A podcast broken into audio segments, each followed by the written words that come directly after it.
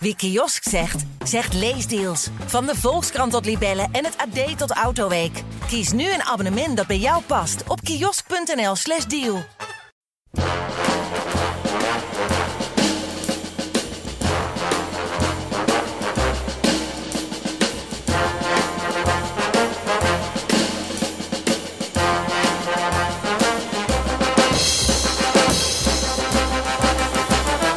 En ja hoor, daar zijn we weer met een nieuwe aflevering van de Trouw Podcast De Roomse Loper. Ik heet Stijn Vens. En ik heet Christian van der Heijden. Christian, eh, hoe gaat het met je? Ja, naar omstandigheden goed. Hoe zitten we erbij? Ja, licht geïrriteerd. Licht geïrriteerd? Ja, daar zal ik je straks eh, meer over vertellen.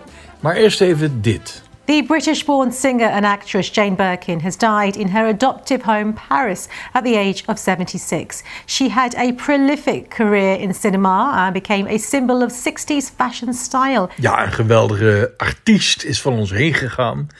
Zangeres en actrice Jane Birkin. Ken jij haar werk?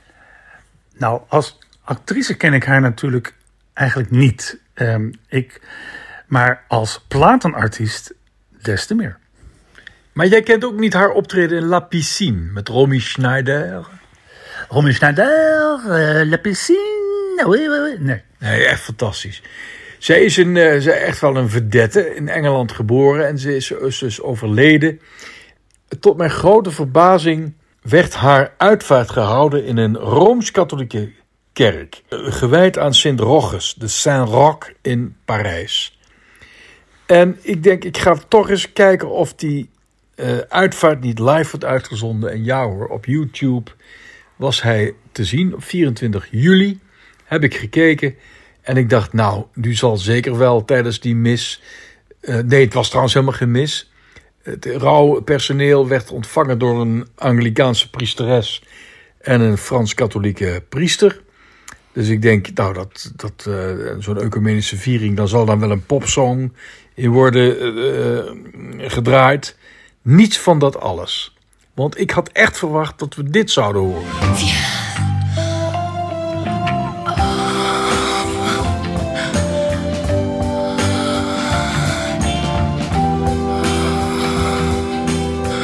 Nee, dat werd dus uh, niet ten gehoor gebracht.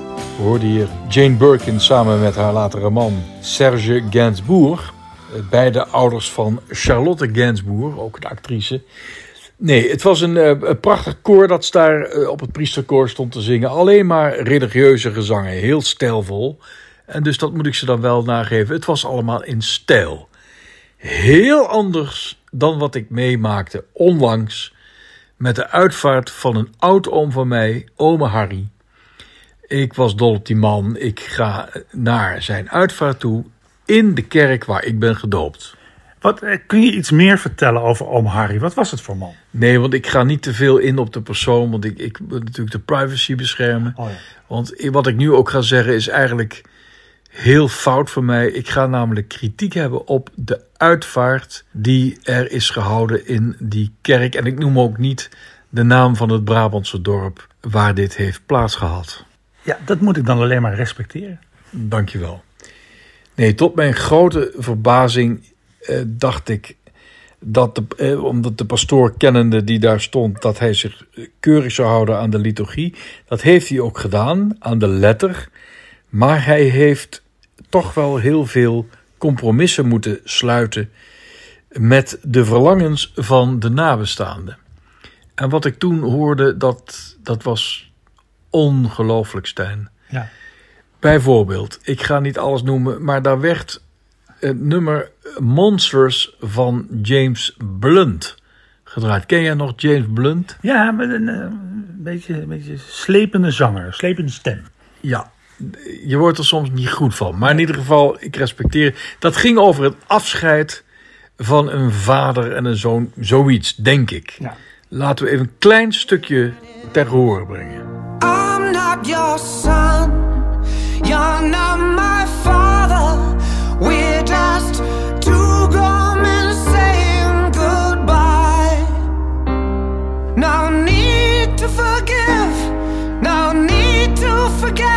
Nou ja, oké. Eh, toen kwam de communie.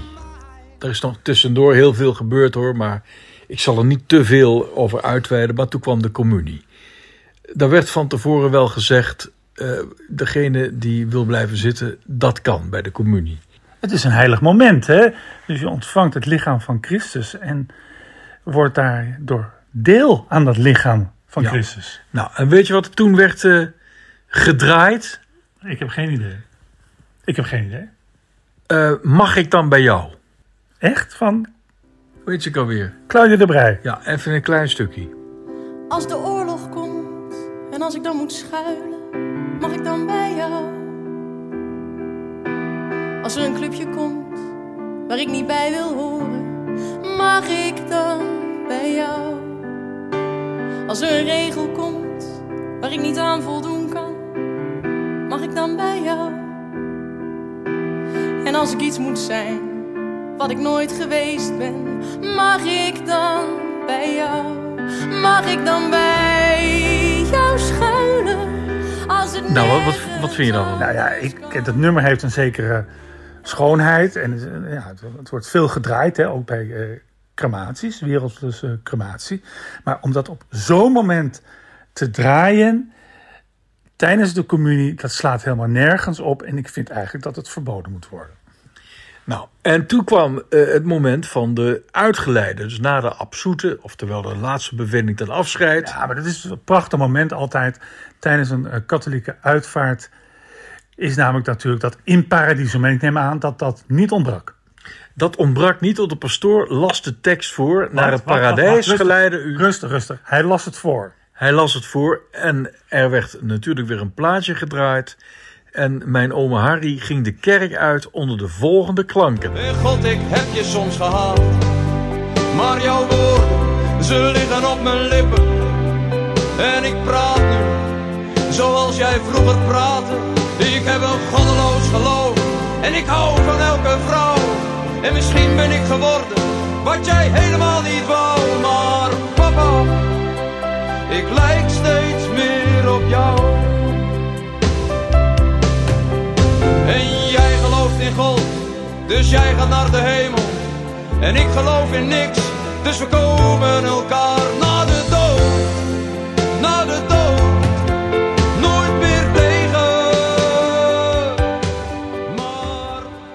Ja, en dan moet je nagaan, dus tijdens dit nummer van Stef Bos. Ik zeg niet dat het een slecht nummer is. Ik was alleen boos dat het toen werd eh, gedraaid. Eh, klonken de, de klokken. Ja. En was men op weg naar eh, de laatste rustplaats. Dus, een, dus de, een gekke combinatie van totale seculariteit. met toch iets van een ouderwetse sacraliteit. En niemand die bij mij in de buurt zat, vond dat ergerniswekkend. Volgens mij, ik op een gegeven moment, toen de pastoor ook begon met: De Heer zal bij u zijn. Toen zei ik: De Heer zal u bewaren. Ik schrok van mezelf, omdat ik de enige was die antwoordde. Eh, onze vader werd niet meegebeden. Het was eigenlijk ontzettend erg. Maar ja, iedereen ging wel naar de, com- de communie. Dat moet iedereen ook wel zelf weten. Maar ik heb toch wel een tip voor al diegenen die afscheid gaan nemen van een ouder of een grootouder. Ik snap dat u een mooie eh, dienst wil, een, een, een mooi afscheid wil bereiden. Maar doe het dan niet in een kerk, maar in een feestzaal. Dat is misschien veel beter. Tenzij de vader heel katholiek was en u ook allemaal katholiek bent, dan doe het volgens de rituelen van het aloude geloof der vaderen. Maar als u er een, iets anders van wilt maken, daar is de kerk niet voor bedoeld. Ja, maar ik, ik merk aan jou dat jij ook een beetje boos bent. Ik ben ontzettend boos, ja. En, en waarom dan? Omdat ik, ehm, omdat ik, eh, ja, dat is een he- hele goede vraag. Omdat, omdat het mij, omdat het mij eh, niet alleen irriteert, maar ook op een of andere manier pijn doet. Omdat er twee dingen met elkaar worden gemengd, die niet met elkaar gemengd mogen worden. Ja, en waarom dan niet? Ja, dat, dat, daar zullen er best wel theologen zijn die dat allemaal kunnen billiken, of die daar een geweldig idee hebben over inculturatie. Maar het is not my cup of tea. Ja. Maar het is eigenlijk zo dat dat als ik het goed begrijp, ik was, daar, ik was er natuurlijk niet bij, dat die priester keurig de, de, de, de teksten uit het liturgie, uit het missaal heeft gebruikt. Daar was niets mis mee. Nee. Die verwijzen, die, laat ik zeggen, laat ik het anders zeggen, die verwezen vroeger naar de werkelijkheid, ook buiten die kerk. Dus het hele leven was doorspekt met het geloof. en de taal die in de kerk gesproken werd, verwees naar de dingen en de mensen en weet ik veel, alles om de mensen heen buiten de kerk. Ja. Die, die teksten zijn er nog steeds en die worden door de priesters nog steeds gebruikt, maar die verwijzen steeds minder vaak naar die wereld daarbuiten, maar steeds meer naar die wereld binnen die kerk, naar die context binnen de liturgie. En om nou toch die buitenwereld nog een rol te laten spelen in zo'n uitvaart, worden daar dus allerlei wereldse liederen bij gehaald. Dus eh, Claudia de Brij, Stef Bos, maar die hebben eigenlijk volstrekt niets te maken met die aloude liturgische teksten.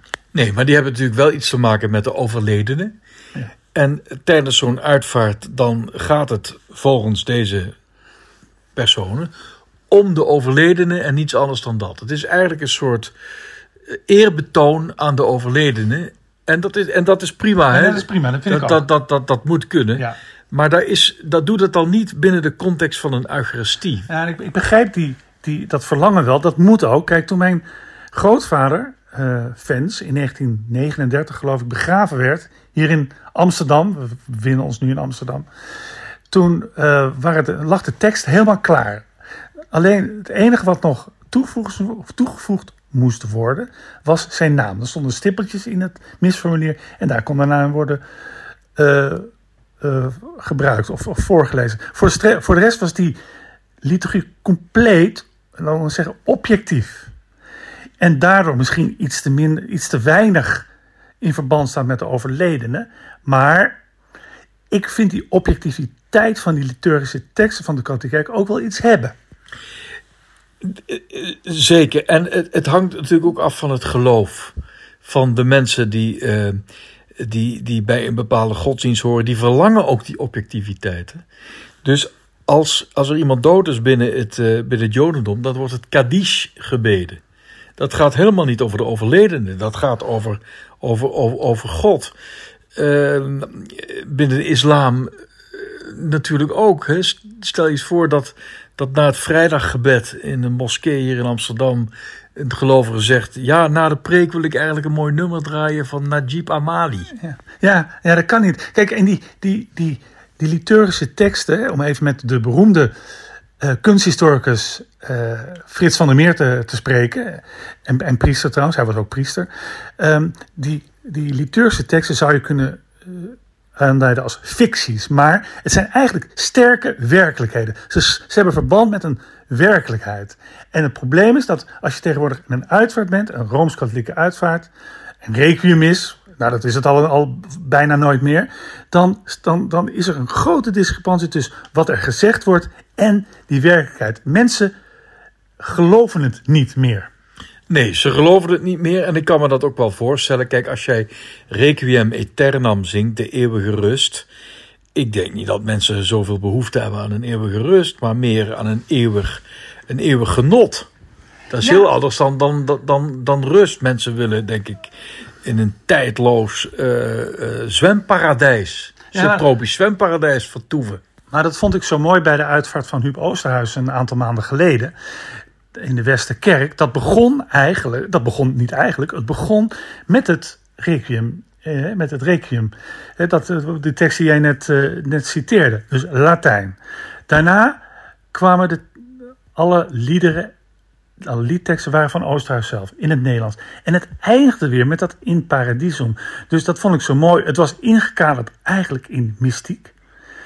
Eh, tegelijkertijd, die liederen van Oosterhuis kregen daardoor een inbedding die ze ook een extra mystieke lading gaven. Dat vond ik zo mooi. En zo werkt het volgens mij ook in een geslaagde liturgie. Ja, kijk, we kunnen ehm, het oneens zijn over, over Oosterhuis, maar één ding is duidelijk.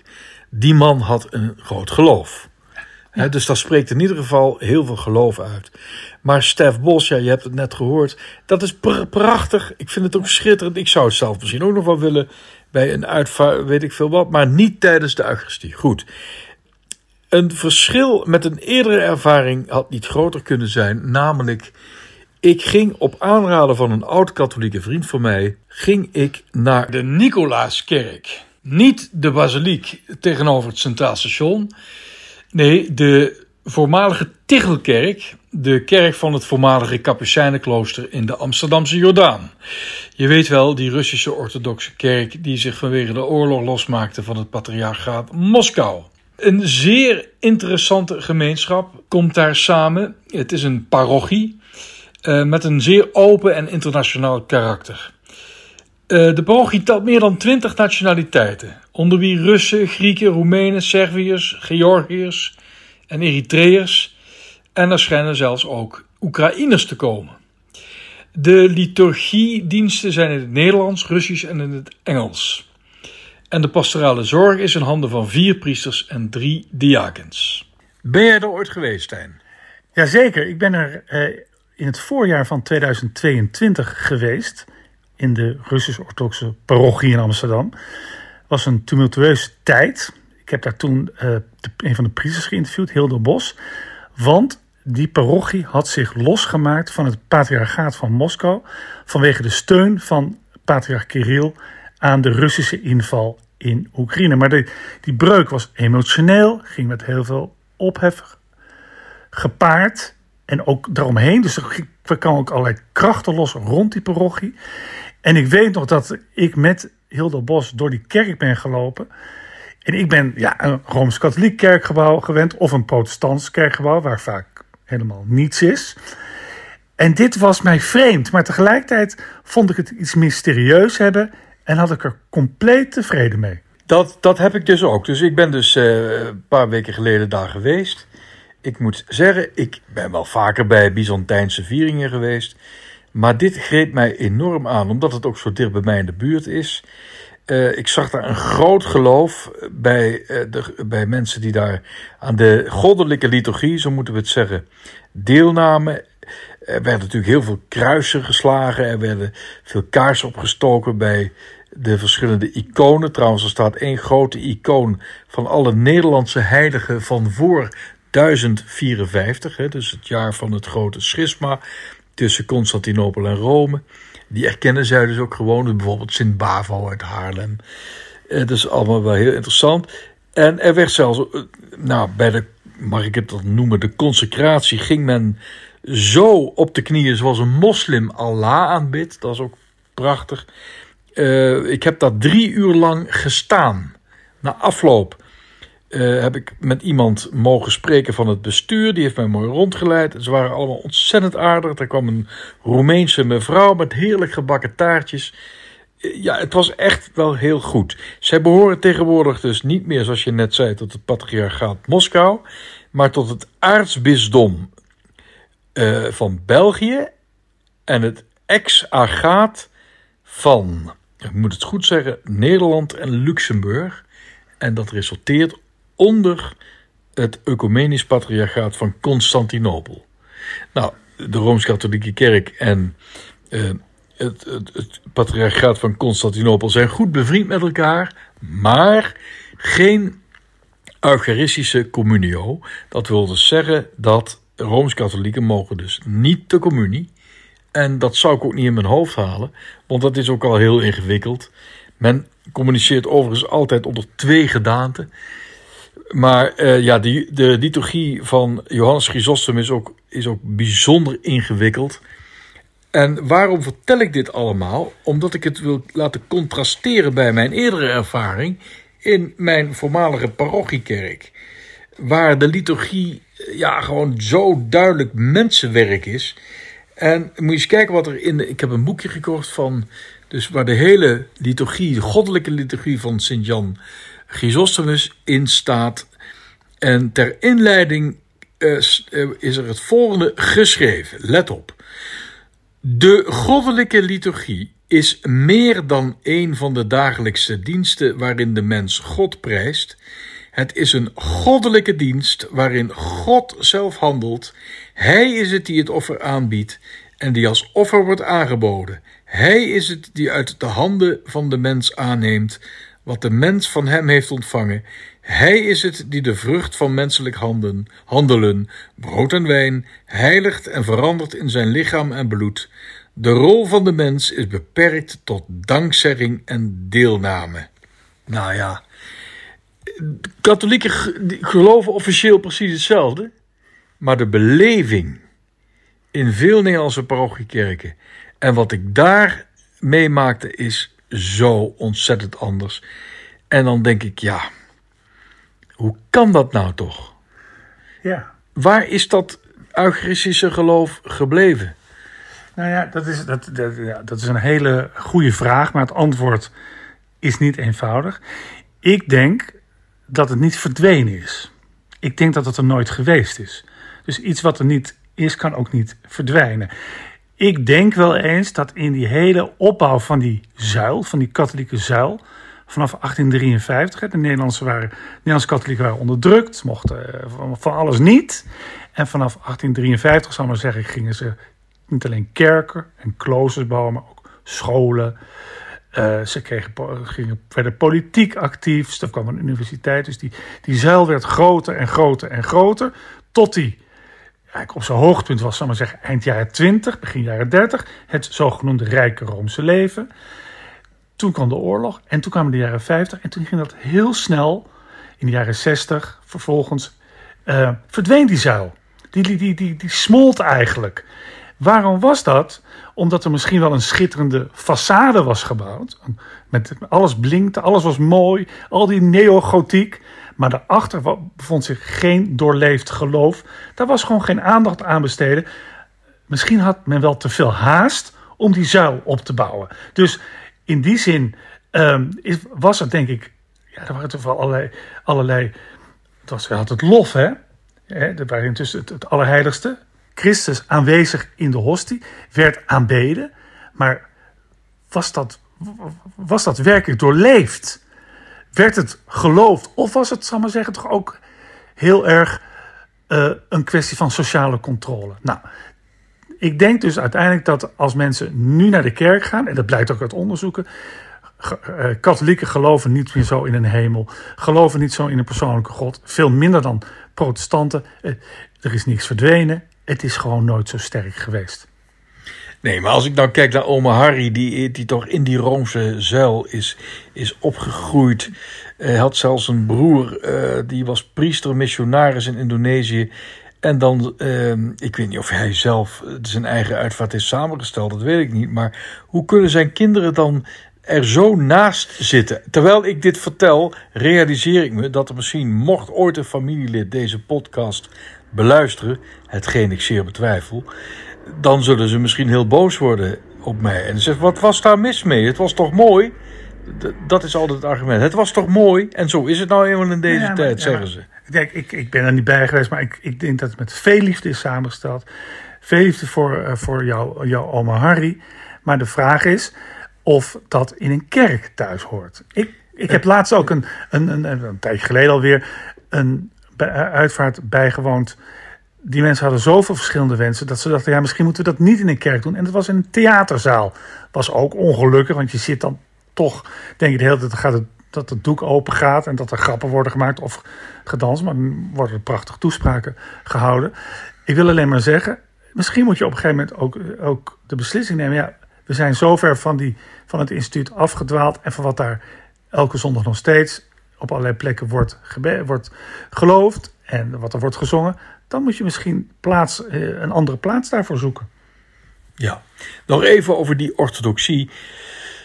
Met die prachtige goddelijke liturgie, ehm, die weerhoudt patriarch Kirill er in ieder geval niet van om zijn steun te geven aan een verschrikkelijke oorlog. Ja. Maar ja, van de andere kant, de Oekraïens-orthodoxe kerk en de orthodoxe kerk van Oekraïne, er zijn er meerdere, die staan daar dan weer uh, helemaal tegenover. Maar die hebben dezelfde orthodoxe liturgie. Dus dat is zo tragisch. Ik vond het wel heel mooi dat ook aan het einde van de liturgie op deze zondag, waar ik dus was in, aan de lijnbaanschacht in, de Jordaan, dat er toen werd uh, verteld dat de orthodoxe kathedraal van de Transfiguratie in Odessa uh, grotendeels was verwoest Ja. door Russische granaten. Ja, dat, dat heb ik natuurlijk ook meegekregen. En wat ik dan zo opvallend vind. Kijk, er was, een, er was een periode, en zeker in het begin van die oorlog, dat je met die gruwelijkheden en die bombardementen. Je stond ermee op en je ging ermee naar bed. Op een gegeven moment gaat zelfs een tv-oorlog, want dat is het voor ons toch. Hè? Wij zitten op de bank en zien allemaal verschrikkelijke dingen bij op het journaal. Dat een tv-oorlog gaat wennen. En dan is er, wat is het? eh, ja, wat is het, 12, eh, 16, 17 maanden na het begin van die oorlog, is er een kathedraal die verwoest wordt. En je ziet vervolgens op het journaal eh, daar mensen lopen en ze, ze, ze hebben, proberen iconen in veiligheid te brengen. Ze staan kruisen, ze, ze, ze huilen. En dan komt plotseling die oorlog, die misschien een beetje in jouw hoofd naar de achtergrond was eh, verdrongen, komt weer dichterbij. Dat komt dus door een kathedraal die verwoest wordt. Ja, en, en- ja. en, dat, en dat vind ik eigenlijk niet goed. Want, hè, dus ik, ik, ik weet nog, ik heb zelf ook zitten kijken. En toen zag ik inderdaad eh, buiten, of het nou mozaïek was of een schilderij, maar helemaal in duigen. En dan kwam een vrouw langs, die sloeg een kruis en begon ook weer te huilen. Ik dacht, ja, ik kreeg ook tranen in mijn ogen. Dus zeg, je moet eigenlijk huilen om, zo'n, om die mensenlevens die elke dag daar weer eh, verloren gaan.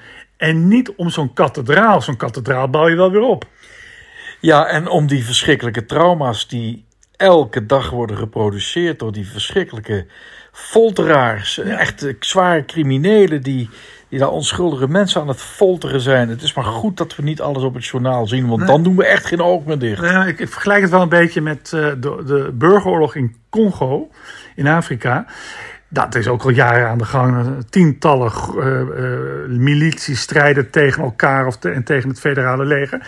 En wanneer gaat ons dan uiteindelijk weer wat eh, wakker worden? We, krijgen we daar weer een beetje aandacht voor. Als er in datzelfde Congo een groep berggorilla's het moeilijk heeft en bedreigd wordt door het oorlogsgeweld, dan worden we weer wakker en dan denken oh, er is er iets heel ergs aan de hand. Dus ik heb ook geleerd van, die, van, die, eh, van dat bombardement op die kathedraal, dat uiteindelijk kan niets op tegen een mensenleven dat verloren gaat. Nee, maar ik vind een berggorilla, dat is ook een, een medeprimaat. Dat is een hominide, daar, daar heb ik ook mee te doen. Ja, maar er kunnen bij wijze van spreken tientallen of honderden eh, burgerdoden vallen. Maar pas als er een paar schattige berggorilla's. Hè, berggorilla's zijn overwegend vegetariër. Doen geen vliegkwaad. Pas dan worden we weer wakker. Dat vind ik, dat vind ik ook niet goed. Oké. Nou, terug naar de liturgie. Eh, ik weet ook niet wat we eraan moeten doen. Eh, de, de Wereldjongerendagen, die, die staan op het punt eh, om uit te breken in Lissabon. Ik denk dat de mensen die daar zijn echt geen Stef Bos zullen draaien tijdens hun vieringen. De Nederlandse eh, reisgezelschappen in ieder geval, die hebben allemaal mooie dingen beleefd op weg naar Lissabon. Ze zijn ontvangen door bisdommen en parochies in Frankrijk, in Spanje en ook in Portugal. Daar spreekt allemaal zeer veel geloof van uit. Maar wat ik zo vervelend vind, ik heb dat zelf meegemaakt. Dan ben je dus helemaal in, in hogere sferen. Dan is de hele wereld lijkt dan wel katholiek. En dan kom je terug als jongere. Dan kom je weer terug op de barre toendra van het Nederlands katholicisme. Ja, en dat valt niet mee. En de vraag is of, dat dan, of, dat, of die jongeren dan wel bestand zijn tegen dat grote contrast. Het zou kunnen dat ze juist worden gesterkt om, om vol te houden. Maar het zou ook kunnen dat het contrast ze uiteindelijk wel in een grote crisis stort. Ja, kijk, ik denk dat we ook moeten concluderen, ook nu weer, dat die grote parochiestructuur, hè, die nog altijd probeert al die Nederlandse katholieken verenigd te houden en op zondag op één plek, dat dat niet meer werkt. Wat werkt er wel in Nederland, bijvoorbeeld ook in Utrecht, is bijvoorbeeld om half vijf zondagmiddag een mis voor studenten. Dus je moet die je moet die jongeren niet meer op zondagochtend laten komen. te midden van die grijze, niet eens deinende massa. maar geef ze hun eigen plek, hun eigen liturgie. en ga vanuit, vanuit daar weer iets opbouwen. Nou ja, ik geloof toch wel in, eh, in de gemeenschap van de verschillende generaties. Ik vind dat moeten we niet te zeer, niet te veel categoriseren. Dat wil Paus Franciscus ook niet. Die gelooft heel erg in de intergenerationaliteit. Ja, dat geloof ik ook.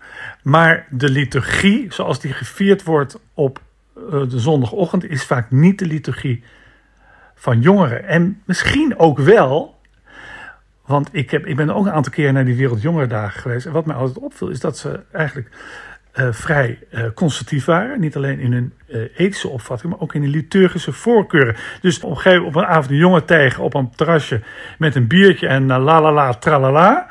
En de volgende ochtend om zeven uur zat diezelfde jongen in een kerk het Allerheiligste te aanbieden. Jij zei van um, conservatief of progressief ja, opvattingen in de liturgie. Oké, okay, prima, dat moet ja. iedereen zelf weten. Maar we moeten het toch wel over één ding eens zijn. Laat niet liturgische tralala buiten de liturgie. Ja, maar ik wil ook nog iets zeggen. Wat er goed is aan die ontwikkeling die, die, die jij geschetst hebt, is dat vroeger was het zo dat als vader, moeder of ander familielid overleed, dan moest je maar afwachten wat die pastoor ervan bakte. Uh, er werd hij uh, herdacht de overledene. Er is nu veel meer inspraak, waardoor veel meer mensen toch veel meer het gevoel krijgen dat dat afscheid ook niet alleen hun afscheid is, maar ook het, uh, de overledene daadwerkelijk recht doet. We gaan eruit met Herman Vinkers, vriend van de show, en wat hij vindt van het moderne kerklied.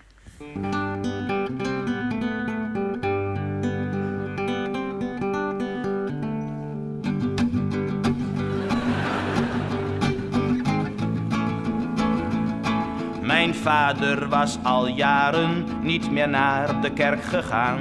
Hij wist nauwelijks het verschil meer tussen paus en kapelaan. Stabat Mater Dolorosa had hij zo lang niet gehad. En dies ire lacrimosa zong hij enkel nog in bad. Dus ging mijn vader fijn weer op een ochtend naar de mis. En daar klonken nieuwe liederen, zo jeugdig en zo fris. Rondom het altaar dansen we blij, te gek, joh, Jezus leeft. Ik hou van jou, ja, net zoals hij ook van mij gehouden heeft. Ja, we zingen en we springen en we zijn zo blij.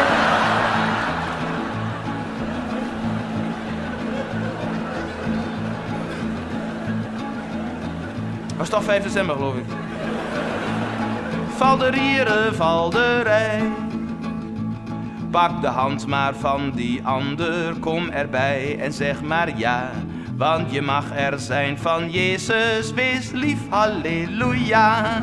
Ja, lief zijn voor hem en zacht zijn voor haar, ook hij was zacht, echt waar.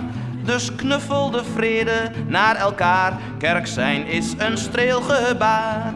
En hij stierf op Golgotha val de rieren, val de Als compleet veranderd vader kwam een pa de kerk weer uit. Thuisgekomen smeet hij het bankstel met een rotklap door de ruit. Hij riep naar de buurvrouw prostituee, greep de jeneverfles. Zocht een karatefilm op tv, wierp naar de kat een keukenmes. Hij vloekte zijn kinderen naar moeder de rok, daar hoorden wij verweest. Kinderen, hoed u wees toch bevreesd, de vader is weer naar de kerk geweest.